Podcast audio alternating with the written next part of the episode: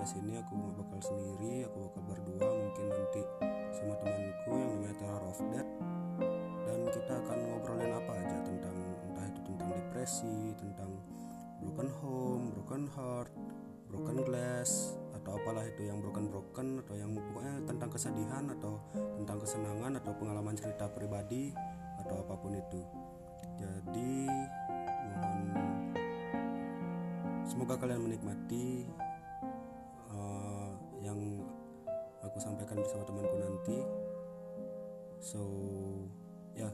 gitu aja dulu ya